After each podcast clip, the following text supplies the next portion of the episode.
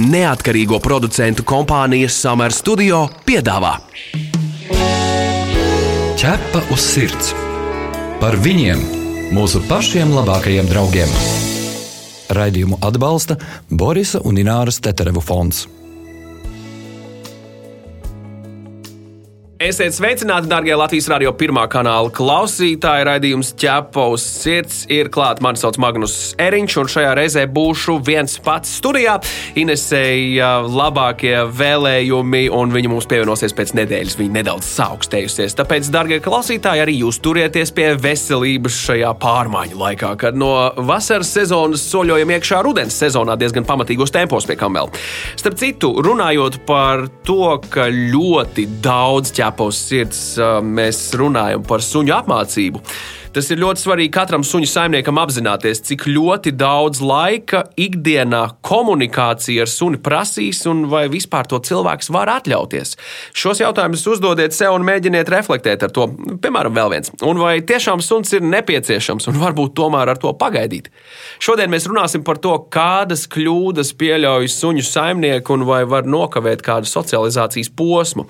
Šodien studijā suņu apmācības trenere Andra Pašūjeva. Esiet sveicināta, Andra! Sveicināti! Ķepa uz sirds jautā ekspertam. Kā ir ar, ar to socializāciju? Vai var kaut ko nokavēt socializācijas laikā ar suni dzīvojoties pilsētā, piemēram? Jā, protams, kucēna socializācija ilgst līdz četriem mēnešiem. Tas nozīmē, ka tad, kad kucēnam atverās acis un ausis, sākas socializācijas periods. Tas ir periods, kad ir ārkārtīgi svarīgi mūsu kucēnu iepazīstināt ar apkārtējo vidi, ar to vidi, kurā viņš dzīvos, ar tiem priekšmetiem, objektiem, cilvēkiem, dzīvniekiem, ar kuriem viņš saskarsies. Un šis aktīvais socializācijas lokus noslēdzas četru mēnešu vecumā. Protams, pēc tam mēs turpinām mūsu kucēnu socializēt, bet ziņkārība mazliet pazūd kucēnam, viņš paliek mazliet bailīgāks un uzmanīgāks, līdz ar to paliek arī grūtāk sniegt viņam šīs pozitīvās pieredzes. Filozofiski paskatoties uz laiku, tev, Andra, ir bijusi tāda sajūta, ka laika paliek aizvien mazāk. Jā, katru dienu, jo vecāks paliec, jo mazāk laika. Nu, tas teorētiski arī sakrīt ar to, ka nu, laika paliek mazāk, laika paliek arī mazāk, ko veltīt sunim. Mm, kā ir tev šķiet, cilvēki joprojām paņem suņus un domā, ka tos kaut kā iebāzīs savā esošajā laika grafikā. Un, Un tie ir tie lielākie maldi, kāpēc varbūt neizdodas cilvēkiem tik daudz laika pavadīt ar suni, socializējot vai citādi ar viņu darbojoties, vai tomēr ir kaut kas cits tajā apakšā? Es domāju, ka cilvēki noteikti dalās vairākās daļās, teiksim tā, un ir tādi cilvēki, kas pienāk pie šī lēmuma ļoti, ļoti atbildīgi, un tiešām man ir kucēnu ģimenes, kas paņem kucēnu, viņiem ir ieplānoti atvaļinājumi, viņi spēja apmeklēt šo kucēnu skolu arī darba laikā, piemēram, un viņi velta tiešām daudz laika. Un tad atkal ir tā otra daļa, kas ļoti salīdzina šo jaunu paņemto kucēnu ar iepriekšējiem saviem suņiem, ar iepriekšējām pieredzēm. Viņiem liekas, ka būs tieši tāpat, bet izrādās, ka šis suns ir savādāks un viņam ir varbūt savādākas mazliet vajadzības un, un problēmas. Varbūt. Un, um, tad viņi saskarās ar to skarbo realitāti, jā, ka viņiem iztrūkst tas laiks, vai arī, piemēram, ir paņemts suns un nav izpētīts šķirnes apraksts. Cilvēks ir paņēmis suni, jo viņš ir skaists vizuāli, bet ne, saskarās ar to, ka viņam arī ir kaut kādas vajadzības un enerģijas līmeņi, kuriem šis konkrētais cilvēks cilvēks nav gatavs. Ķepa uz sirds, suņu būda. Vai vari atklāt, ko tu pati esi konstatējusi no saviem klientiem, kādas ir lielākās problēmas? Lielākās problēmas viennozīmīgi ir šī nedrošība un bailes suņos. Es domāju, ka tas droši vien ir katrs otrais suns, ir, ir tāds, ka viņam ir nepieciešama šī iniciatīvas attīstīšana, darbs ar bailēm, parādīt viņam, ka pasaule ir droša vieta. Otra lieta ir cilvēku nezināšanas dēļ. Ar labākajiem nolūkiem viņi vēlās šos kucēnus vai savus suņus, lai viņi socializējas un iet un komunicē ar katru sunu, ar katru cilvēku. Un tad tas suns viņam nav nemaz tā otrā pieredze. Viņš nezina, kā tas ir mierīgi paiet garām šiem citiem suņiem vai cilvēkiem, nereaģēt uz viņiem. Tas tieši par dzīvniekiem, bet runājot par pašiem cilvēkiem saistībā ar kļūdām, ko viņi pieļauj procesā, kas ir nu, mājas dzīvnieks vai nesuns. Trūkst laika saviem suņiem, jo vai, vai viņi tos, piemēram, nepareizi apmāca? Es domāju, ka ļoti liela daļa cilvēku domā, ka kaut kādas situācijas ir pārējošas. Un nevelta pietiekošu uzmanību varbūt uh, uzreiz momentā. Un tas ir tas, ko es vēlos noteikti pateikt visiem klausītājiem. Ir, ja parādās kaut kāda uzvedība jūsu sunim, kas uh, nav bijusi līdz šim konstatēta, vai suns sāk uzvesties dīvaini, vai sāk izpaust kaut kādas ag agresijas izpausmes, tad noteikti ar to jāsāk strādāt uzreiz.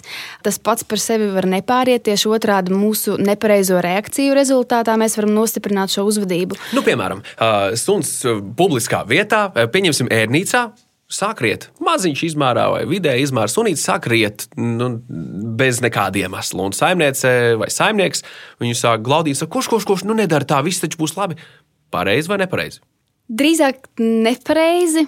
Jo teiksim, tā viss ir ļoti atkarīgs no šī cilvēka emocionālā stāvokļa. Ja viņš ir satraucies, ja šī komunikācija ar sunu ir tādos satrauktos toņos, viņš pats ir uztraucies, suņi ir empātiskas būtnes un viņi pārņem cilvēku emocionālo stāvokli. Līdz ar to tad brīdī, kad mēs iesaistāmies momentā, kad mūsu suns izpauž kaut kādu reakciju, ja mēs paši esam satraukti, ja mēs paši esam sabijušies, vai arī ja mēs sākam mūsu suni sodīt, lamāt, tad mēs pasliktinām šo uzvedību. Mēs, suns tāpat rei visdrīzāk kaut kāda iemesla dēļ, kas nu, ļoti bieži tās ir kaut kādas bailes vai kaut kāda vajadzības un nav apmierināta, un tāpēc viņš šādā veidā mēģina to izkomunicēt savam saimniekam. Un tad, kad mēs pieliekam klāt kaut kādas negācijas vēl pie šī visa, tad mūsu suns sāk satraukties vēl vairāk, un galu galā viņš iziet no šīs situācijas ar ļoti negatīvu pieredzi. Tāpēc, teiksim, tā, tādā situācijā vispareizākais būtu iet prom no tās vietas, iet prom no tās vides, jo tas nozīmē, ka kaut kas nav kārtībā šajā vidē. Bet komunicēt ar pašu un teikt viņam kaut ko, vai tomēr neko neteikt un ignorēt, un vienkārši nomainīt vidi, un tad kaut ko sākt ar viņu darīt. Momentā ļoti grūti ir kaut ko darīt. Līdz ar to mēs varam pateikt, viss ir kārtībā, un tiešām to pateikt mierīgi, mēģināt mūs nomierināt, paglaudīt, viņu noteikti nesodīt, nelamāt. Bet, protams, ka momentā mēs īpaši darīt neko nevaram. Tas nozīmē, ka mums ir sākumā jā, jāaiziet prom no tās situācijas, tad ir jāanalizē, kas ir tas, kas mūsu sunis satrauca, kāpēc. Jo tās jau ir tikai sekas, vai ne? Tieši tā. Ķerpa uz sirds, diskutē. Vēl runājot tieši par problēmām, varbūt tu vari minēt kādu, kādu konkrētu lietu, ko nesaprot suņu saimnieks šobrīd. Teiksim tā, laikam tā otra biežākā problēma, ar kuru es sastopos, ir suņa nespēja palikt mājās vienam. Tā tad šis separation anxiety, pierod, es nezinu, kā tas ir. Atšķirības sindroms. Paldies. Bet mēs arī varam iedalīt. Ir separācijas trauksme, tas ir tad, kad suns baidās separēties no konkrētā cilvēka. Tad mums ir nemāka palikt vienam pašam. Un viss ir kārtībā attiecībās ar savu cilvēku, bet suns vienkārši baidās palikt viens pats. Ja viņš paliek ar jebkuru citu svešu cilvēku, viss ir kārtībā. Un tad mums ir jāskatās, jo tās ir divas dažādas lietas, principā, un arī darbs ar, ar, ar šo te būtu dažāds. Bet eh, man liekas, ka tā lieta svarīgākā, kas katram eh, cilvēkam ir jāsaprot, kuram ir suns, ir tas, ka suns ir bara dzīvnieks, viņš ir sociāla būtne un eh, viņš vislabāk jūtās un drošāk blakus savai ģimenei. Līdz ar to neviens suns nepiedzimst ar prasmi palikt viens pats. Un tas ir ļoti svarīgs moments, ka arī no šī kucēna vecuma, no šī jau šajā socializācijas perioda laikā ir obligāti jāvelta tam īpaša uzmanība pakāpeniski atstājot kucēnu vienu.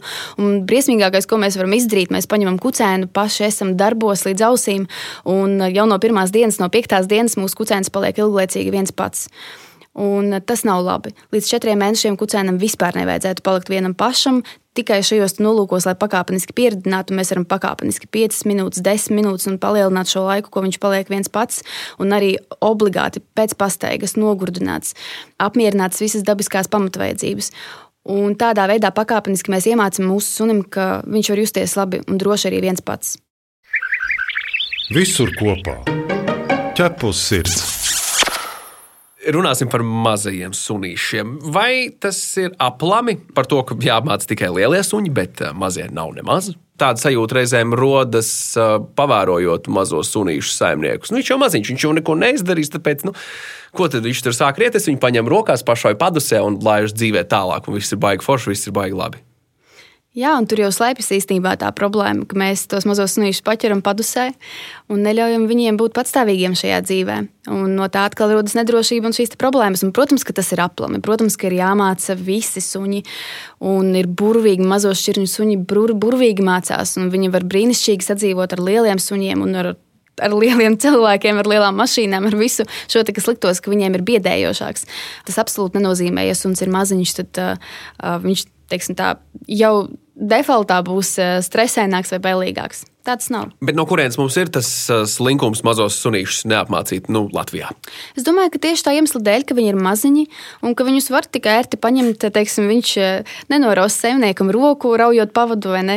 Viņš ir viegls, mēs varam viņu paņemt rokās jebkurā situācijā, kad jūtamies nedroši un aiznest, aiznest viņu vienkārši projām. Un tāpat arī, diemžēl, tas, ko es ievēroju ļoti, ļoti daudz tīpaši sociālajos tīklos, kur cilvēki liek dažādus video, kas liekas smieklīgi cilvēkiem no malas, bet patiesībā nav nav, tas ir cik ļoti cilvēki nerēķinās ar šī mazā suņa sajūtām un emocijām tajā brīdī. Jo mazu suni atkal mēs varam piespiest daudz jebko.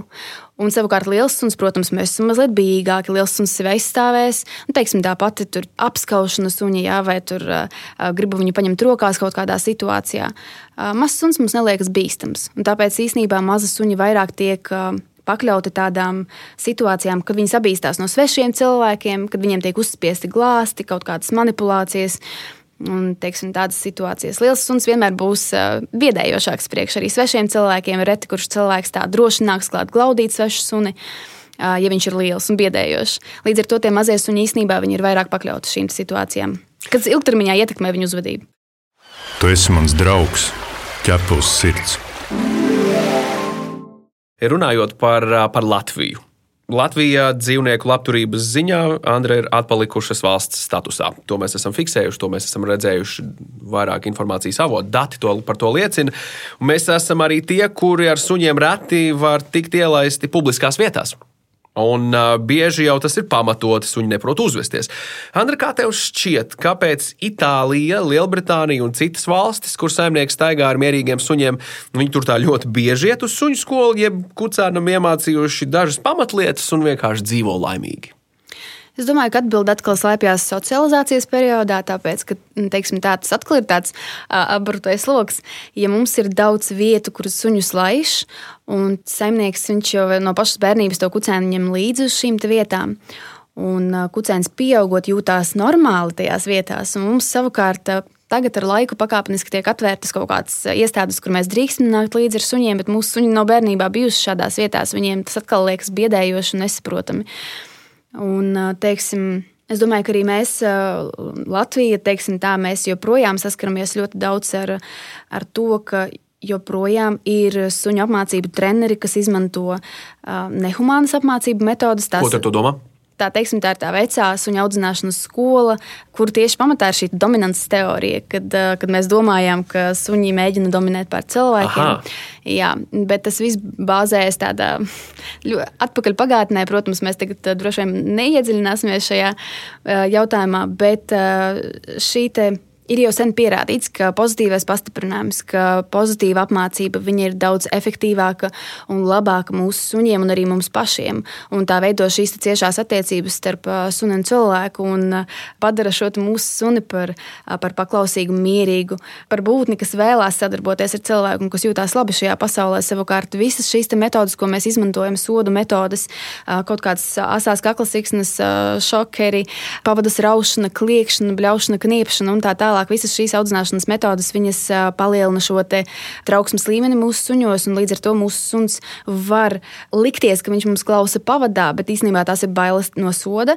Un savukārt, tad, kad suns nonāk kaut kādā vidē, kur uh, ir pārāk daudz šo kairinātāju, pārāk daudz šo stimulu un pārāk lielas bailes, viņš vairs nespēja sevi kontrolēt.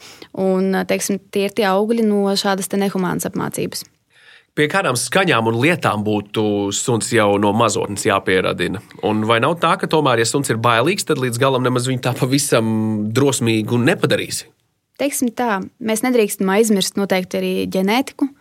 Ļoti svarīgi ir, kādos apstākļos atrodas kucēna mamma, tad, kad viņi ir gaida šos savus bērniņus un kādos apstākļos piedzimstot atrodas kucēni. Tas ir ļoti, ļoti svarīgi. Un, protams, ka ja mums ir teiksim, kucēns, kas mēs nezinām, kas ir bijuši viņa vecāki, vai arī mēs zinām, ka mammīte ir kaut kur noķerta, kaut kur, nezinu, vienalga mežā, viņa ir ļoti bailīga, un iespējams viņas mammīte arī bija ļoti bailīga. Protams, šis kucēns jau būs visdrīzāk daudz tramīgāks nekā kucēns no labas audzētavas. Tā ir tā lieta, un, protams, mēs izdarām visu iespējamo, ko mēs varam iepazīstinot šo kucēnu, atkal raisot šīs pozitīvās asociācijas, bet nav, mēs nevaram zināt, vai šis kucēns būs pēc tam tikpat drosmīgs kā teiksim, tāda paša vecuma kucēns no labas audzētavas, kur paudžu paudzēm nāk suņi labi socializēti. Tas ir tāds svarīgs moments. Un, protams, ka ir arī jāatcerās tas, ka Noteikti tās visas skaņas, kuras kucēns dzird ikdienā, tās ir pilsētas skaņas, motociklu mašīnas, pīpināšana un tāda veida skaņas. Tas ir salūts, tas ir pērkons, tas ir durvju zvani, klauvējieni, visas sadzīves lietas, skaņas, ko mūsu kucēns dzirdēs, fēni, putekļu sūcēji un tā tālāk. Un atkal svarīgākais ir tas, ka mēs nevis kucēnu uzreiz iegrūžam tajā situācijā, kur, teiksim, kucēns man sēž uz dīvāna un es iešu iekšā ar lielu putekļu sūcēju, slēgšu viņu iekšā un tīrīšu māju. Tā mēs nedarām. Sākumā mēs pieredzam atgādinām pie skaņas. Tātad šis putekļu sūcējs ir ieslēgts mums vai nu YouTube, vai arī citā istabā, kaut kur attālākā nostūrī. Kad mūsu kucēns neizpauž nekādas reakcijas uz šo skaņu, tad mēs viņam parādām tikai vizuāli izslēgtu putekļu sūcēju, un tikai tad mēs liekam visu to kopā. Un šīs skaņas, protams, atkal kā mēs vēlamies, lai formējas mūsu suņu uzvedība. Ja mēs nevēlamies, lai viņš mums ir ejus durvju zvanu, uz klauvēšanu, tad atkal mēs nodarbinam viņu tajā brīdī, kad kamēr notiek šis durvju zvans. Jā, mēs varam viņam dot kārmus par mierīgām reakcijām, atkal mācot, ka tā mēs vēlamies, lai viņš uzvedās, lai viņš saglabā mieru. Noteikti ir jāiepazīstina ar dažādām virsmām, un ar dažādām virsmām es domāju, pat tik elementāras lietas kā pastaigāt pa slapju zāli. Jo ir suņi, kas atkal, piemēram, ir bijuši maziņi vasaras periodā, ne, nelija lietus, vai kad lija lietus viņi negāja ārā, un pēc tam rudenī, rudenī viņi sastopās ar to, ka viņš suns atsakās staigāt pa slapju zāli, jo viņš nav guvis šādu pieredzi. Un tāpēc, un viņam nepatīk. Viņam, viņam sāls ķepas, protams, kurš Jā, grib staigāt. Vai ne? Pa slapju zāli. Tieši tā, un, protams, arī dažādas virsmas, kā piemēram, iet pāri dzelzceļa sliedēm, tramvaja sliedēm, pastaigāt pa kaut kādiem režģiem. Tas ir svarīgi nevis, ne tikai tāpēc, ka pēc tam mums tas atvieglo šo dzīvi, ka mēs mūsu suni varam ņemt visur līdzi, bet arī kopumā paplašina viņam šo redzesloku. Līdz ar to, jo vairāk mūsu kucēns redzēs tādā pozitīvā gaisotnē jaunas lietas, viņš, jo mierīgāk viņš attieksies nākotnē, jau arī būdams pieaudzis suns pret kaut kādām jaunām lietām, jo viņam šis te, šī bagāža zināšana un pieredzēto lietu ir diezgan liela. Tu pazīsti kādu īpašu dzīvnieku draugu? Tavs kaimiņš vai kolēģis palīdz nelaimē nonākušiem suņiem un kaķiem? Varbūt kāds suns vai kaķis izmainīs tavu pašu dzīvi. Raksti mums, un mēs pastāstīsim šo sirsnīgo stāstu pārējiem klausītājiem. Iedrošināsim arī citus izdarīt kādu labu darbu. Gaidām jūsu vēstuli uz info atķepa uz sirds LV. Mēs esam daudz runājuši par šiem pirmajiem trīs līdz četriem mēnešiem, kas ir īpaši svarīgi socializācijai. Paši vissvarīgākie, vai ne? Eh, bet kā tas līdz galam iet kopā ar veterinārārstu noteikumu nelaist kucēnu nekur ārā, līdz nav saņemta pote pret rakumsērgu? Jo pote pret rakumsērgu ir jāsaņem četros mēnešos, un, ja kucēnu nevar laist ārā, kā mēs viņu varam socializēt? Pota pret rakumsērgu parasti ir 12 nedēļu vecumā, un tad mums ir uh, karantīnas periods 21 diena. Līdz ar to sanāk, ka tāpēc noteikumiem mūsu kucēns ir gatavs doties pasaulē 15 nedēļu laikā, praktiski jau šī socializācijas perioda beigās. Es teikšu tā, kucēni visbiežāk, suņi kopumā visbiežāk tiek atdoti nevis tāpēc, ka viņi ir slimi ar kaut ko, bet tāpēc, ka viņi ir izrāda baiļu, agresijas reakcijas, viņi ir tātad nesocializēti. Līdz ar to es personīgi es noteikti uzņemtos šo risku un dotos kucēnu savus socializēt neskatoties uz to, ka viņš joprojām atrodas karantīnas periodā. Bet mūsu uzdevums viennozīmīgi to ir darīt maksimāli drošos apstākļos. Kā es to daru? Es noteikti ņemtu līdzi sedziņu Es dotos uz parkiem, atkal uz šīm vietām, kuras vēlos, lai mans kucēns iepazīst un lai viņš jūtās droši šajās vietās. Tās var būt ārā terases, kafejnīcas vietas, kur drīkst nākt ar suņiem kopā. Mans kucēns var atrasties man rokās. Viņš var atrasties uz sēdziņa, piemēram, parkā.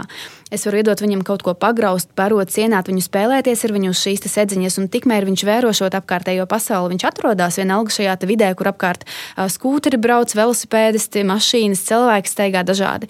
Un es pavadu ar viņu laiku kopā forši pozitīvi. Viņš redz, ka pirmkārt, ok, es varu palikt kopā ar savu cilvēku, man nav jāskrien pie visām šīm interesantajām lietām. Otrakārt, notiek labas lietas, tad, kad es redzu šos objektus.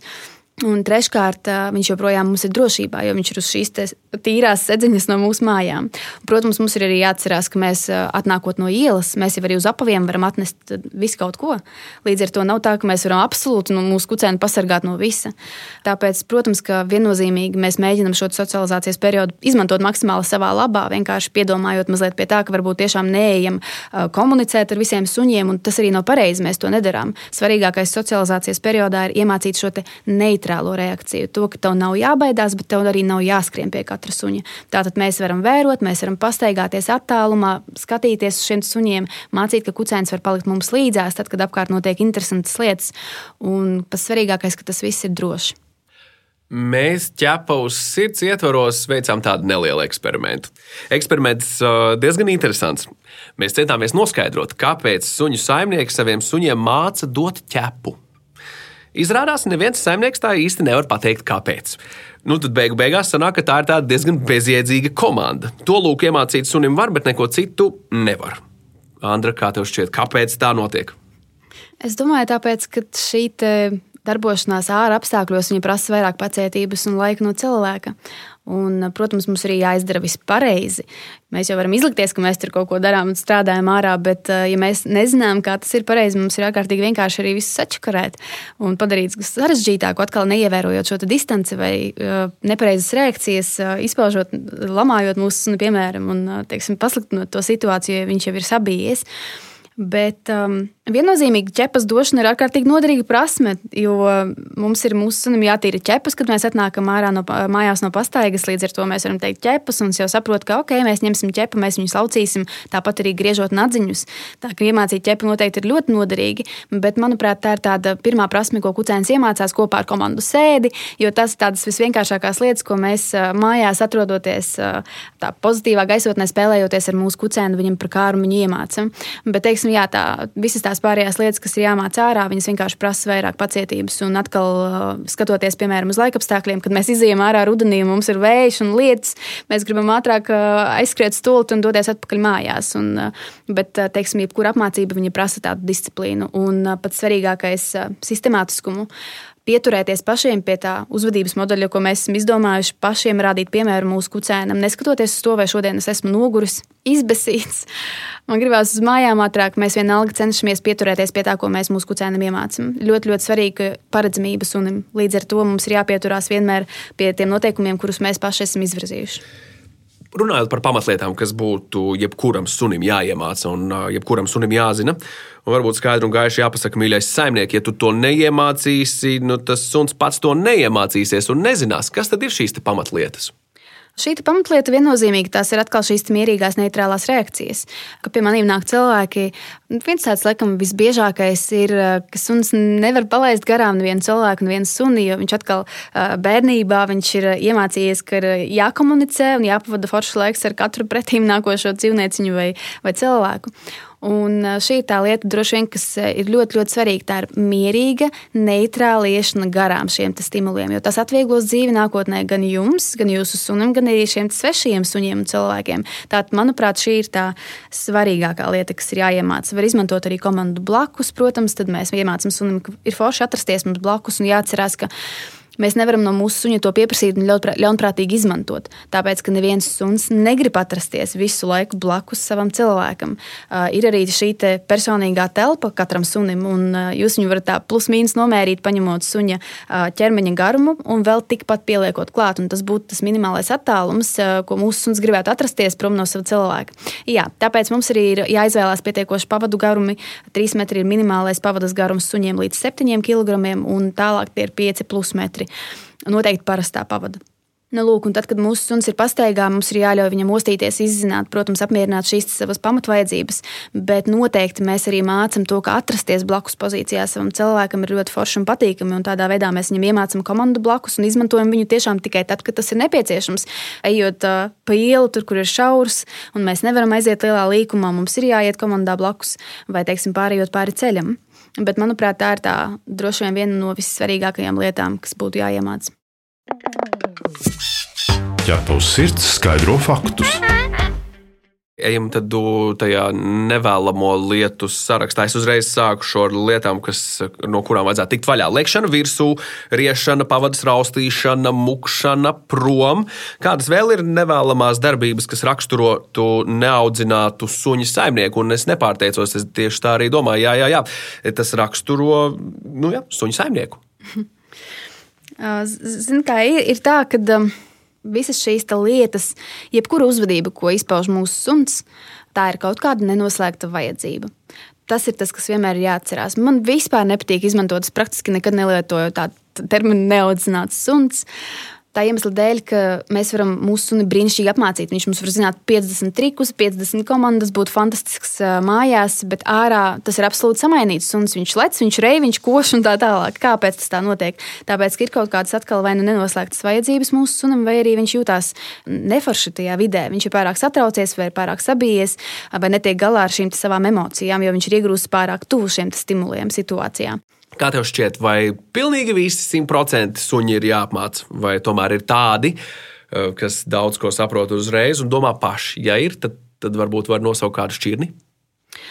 Zini, kā ir, ir temperamenti dažādi. Suņiem ir vienkārši suņi, kas ir paši par sevi, viņi būs mierīgāki un tā, bet īpaši tie varētu būt suņu kompanioni. Bet, uh, jāapmāca viennozīmīgi ir visi suņi Un atkal, kā apmācību, es lieku uzsvaru nevis uz uh, kaut kādu komandu iemācīšanu, bet konkrēti uz šo saiknes stiprināšanu. Tāpēc tas ir vissvarīgākais saiknes starp cilvēku un suni.